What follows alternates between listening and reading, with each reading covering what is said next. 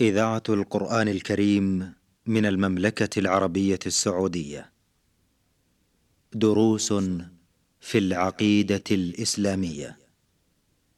برنامج من إعداد فضيلة الدكتور صالح بن عبد الرحمن الأطرم. تقديم فهد بن عبد العزيز السنيدي. تنفيذ خالد بن محمد الزيد.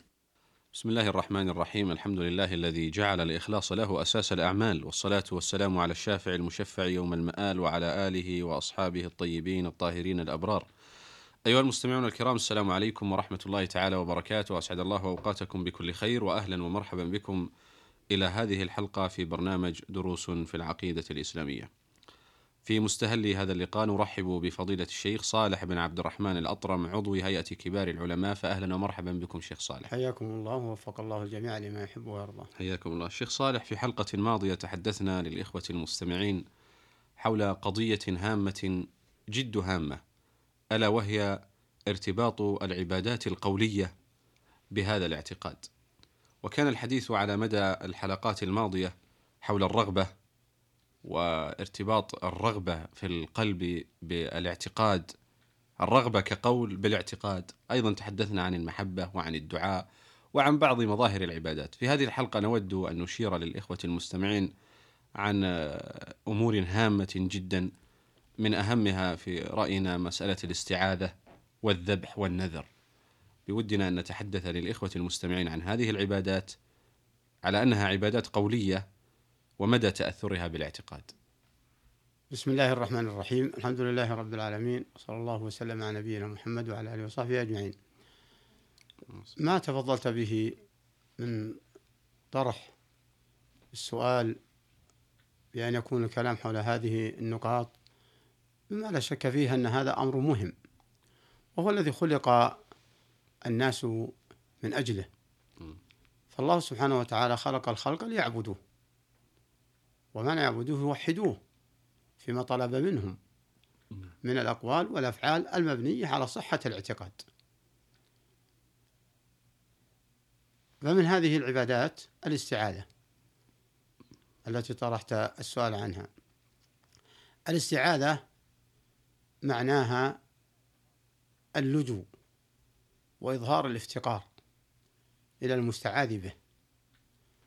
فإن كان قادرا عليه قادرا عليه كأن تستعيذ بمخلوق أن يخلصك من شر مخلوق قادر عليه فهذا قد يكون أنه يسوق عند بعض الاعتبارات وإلا فالاستعاذة أمرها عظيم. وفي الحقيقة أن صرفها لله هو الظاهر لأنها تنبي عن غاية التعلق وغاية اللجوء وهذا لا يصلح إلا لله سبحانه وتعالى.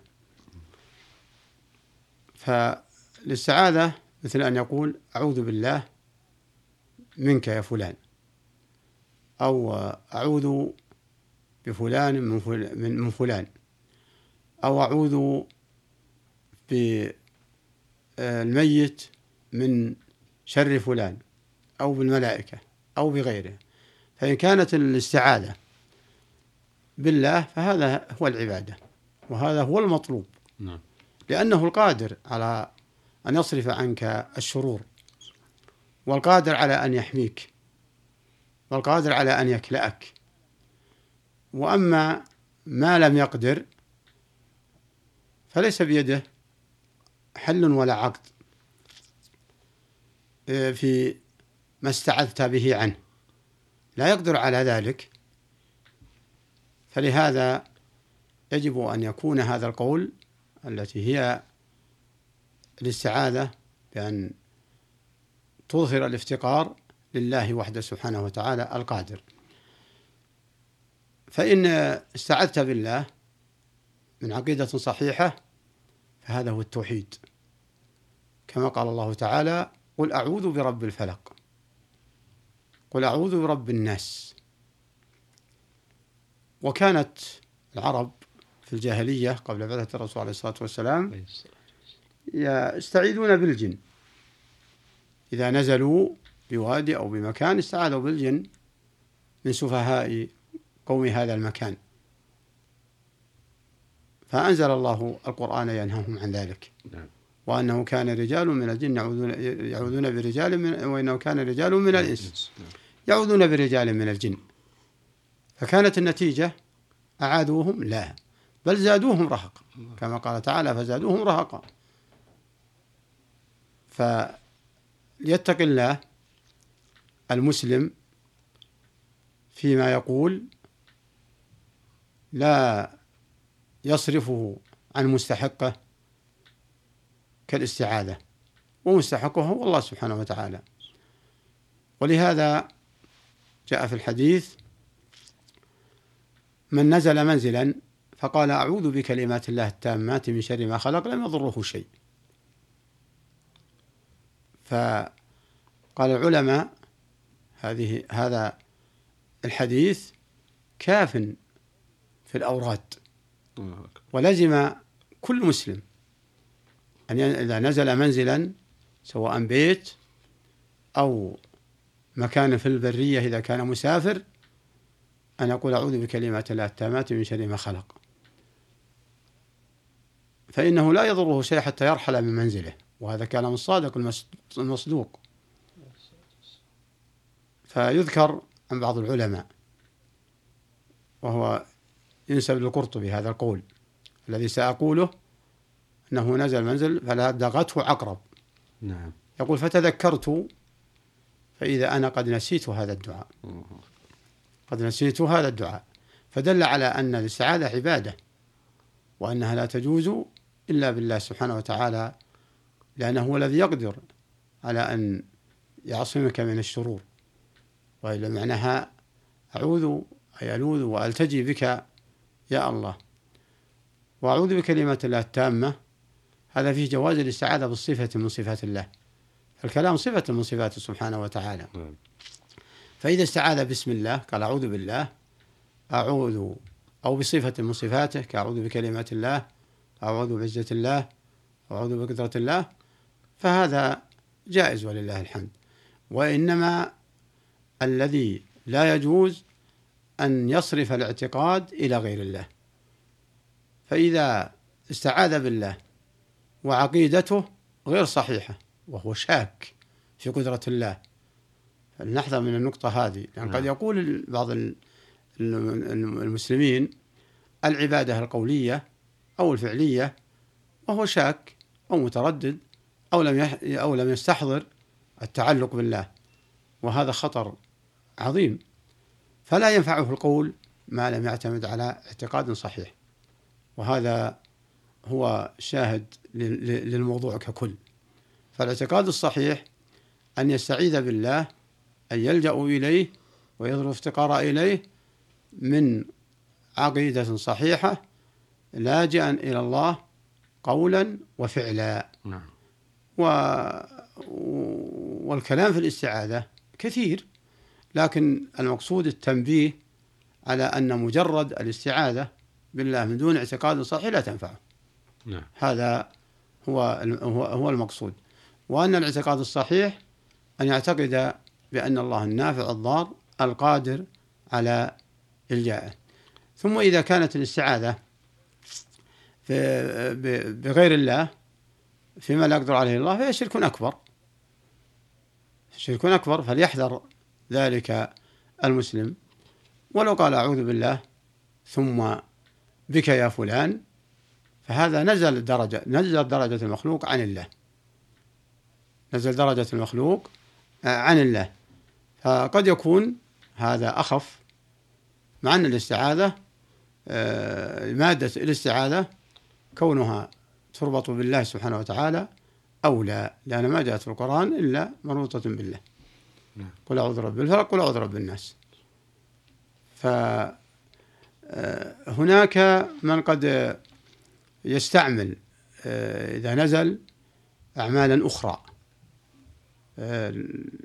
أعمالا أخرى توحي بأنه يستعين بغير الله ليحمى. وهذا أمر عظيم وخطير كأن يذبح ذبيحة. في بيت ينزله وباعتقاد أنه أن أن الذبيحة هذه آه، تعيده من بعض. تعيده من آه، الشياطين. وعلامة ذلك أنه قد يفعل أو يتبع ذلك فعلا سيء فينشر الدم في سيسان الحيطان. هذا نسأل الله العافية. عدل عدل عن قولة بسم الله أعوذ بكلمات الله التامة من شر ما خلق إلى هذا الفعل. إلى هذا الفعل. فالمعتقد والفعل خالف. خالف المطلوب منه. يعني المطلوب منه أن يستعين بالله. وهذه ولله الحمد آه، لا لم توجد في بلادنا إلا من أفراد يجهلون ذلك. أفراد قلة. وقد ولله الحمد يروح الزمن الكثير ما ما ذكر لكنه حصل من هذا نماذج. وكان في الجاهلية يفعلونه يذبحون في المنزل الجديد اعتقادا إنها يكون حماية من الجن أو حماية في البيت. فما الفرق بين فعل الجاهلية وبين القول أعوذ بكلمات الله التامة من شر ما خلق. فرق عظيم. فرق عظيم. كلمة واحدة ربطها بالاعتقاد خلصته من جميع الشرور. وأحب أيضا أن ننبه على نقطة وهو أن المسلم إذا قال دعاء ولم تظهر آثاره في العاجل فلا ييأس من ربه. نعم. لا يجوز أن يقول أني قلت هذا الدعاء ولكن ما ظهرت آثاره. لأن ربما قد تأخر لحكمة. قد تأخر لحكمة. نعم. فلقد إما لتخلف شرط من شروطه وإما ابتلاء وامتحان. فإذا فعل المسلم الطريق سلك المسلم فإذا سلك المسلم الطريق الصحيح فلا عليه من النتائج. فالنتائج عند الله سبحانه وتعالى. نعم, نعم. أيضا ما دمنا في هذه القضية نعم. الشيخ بودنا لا ننتقل إلى غيرها حتى نكملها نعم. نلحظ في بعض المجتمعات الإسلامية ما انتشر كثيرا من تعليق بعض التمائم التي يعتقدون فيها يعني النصرة والعون ودفع بعض الأضرار التي تصيبهم نعم. آه، بودنا الحديث حول هذه القضية إذا تكرمتم فضيلة الشيخ آه نعم هذه أيضا آه، تدخل في الموضوع فإن الاستعاذة من شياطين أو من شرار الخلق أو من الجن فالاستعاذة بهم معتقدا أنهم ينفعون يضرون هذا شرك أكبر.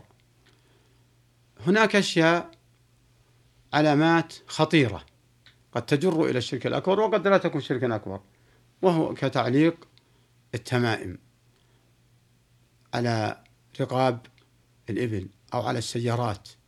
أو في البيوت أو في البيوت نعم. معتقدا أنها تدفع الضر أو تجلب النفع فهذا شرك أكبر أو أو على الصبيان أيضا أو, أو على الصبيان على الأطفال نعم. أو على الصبيان أو آه، يكتب الكاتب ورقة ثم يضعها في جلد نعم. ثم يأمر المريض بأن يضعها تحت وسادته أو في دالوبة. فهذا من الأمور الخطيرة. من الأمور الخطيرة التي يجب اجتنابها. لأن إن كانت قرآن ففيها امتهان. وإن لا وفيها تعلق بأمور وهمية ليست شرعية. نعم. لم يثبت بها الدليل. لا لم يثبت بها الدليل. نعم. لم يثبت الدليل. وزاد زيادة بلاء إذا كان القرآن كيف يمتهن تحت وسادته نعم. وما على الصبيان؟ وإن فعلها بعض من ينتسب. فإن فعلها معتقدا جوازها هذا خطر. وإن فعلها متساهل وطمعا في الدنيا فليتق الله وليتراجع عن هذا الفعل ولا يغر جهلة المسلمين وعلى كل مسلم ألا يغتر بمثل هذه الأفعال. نعم. نعم. شكر الله لكم شيخ صالح على ما قدمتم للإخوة المستمعين من هذا البيان الطيب وأتمنى أن يتجدد بنا وبكم اللقاء وأنتم والمستمعين الكرام على خير. مستمعينا الكرام في الختام تقبلوا تحية زميلي من الهندسة الإذاعية عبد الله عريف وحتى نلقاكم بإذن الله في حلقة قادمة. نستودعكم الله. والسلام عليكم ورحمة الله تعالى وبركاته. دروس في العقيدة الإسلامية. برنامج من إعداد فضيلة الدكتور صالح بن عبد الرحمن الأطرم تقديم فهد بن عبد العزيز السنيدي تنفيذ خالد بن محمد الزيد.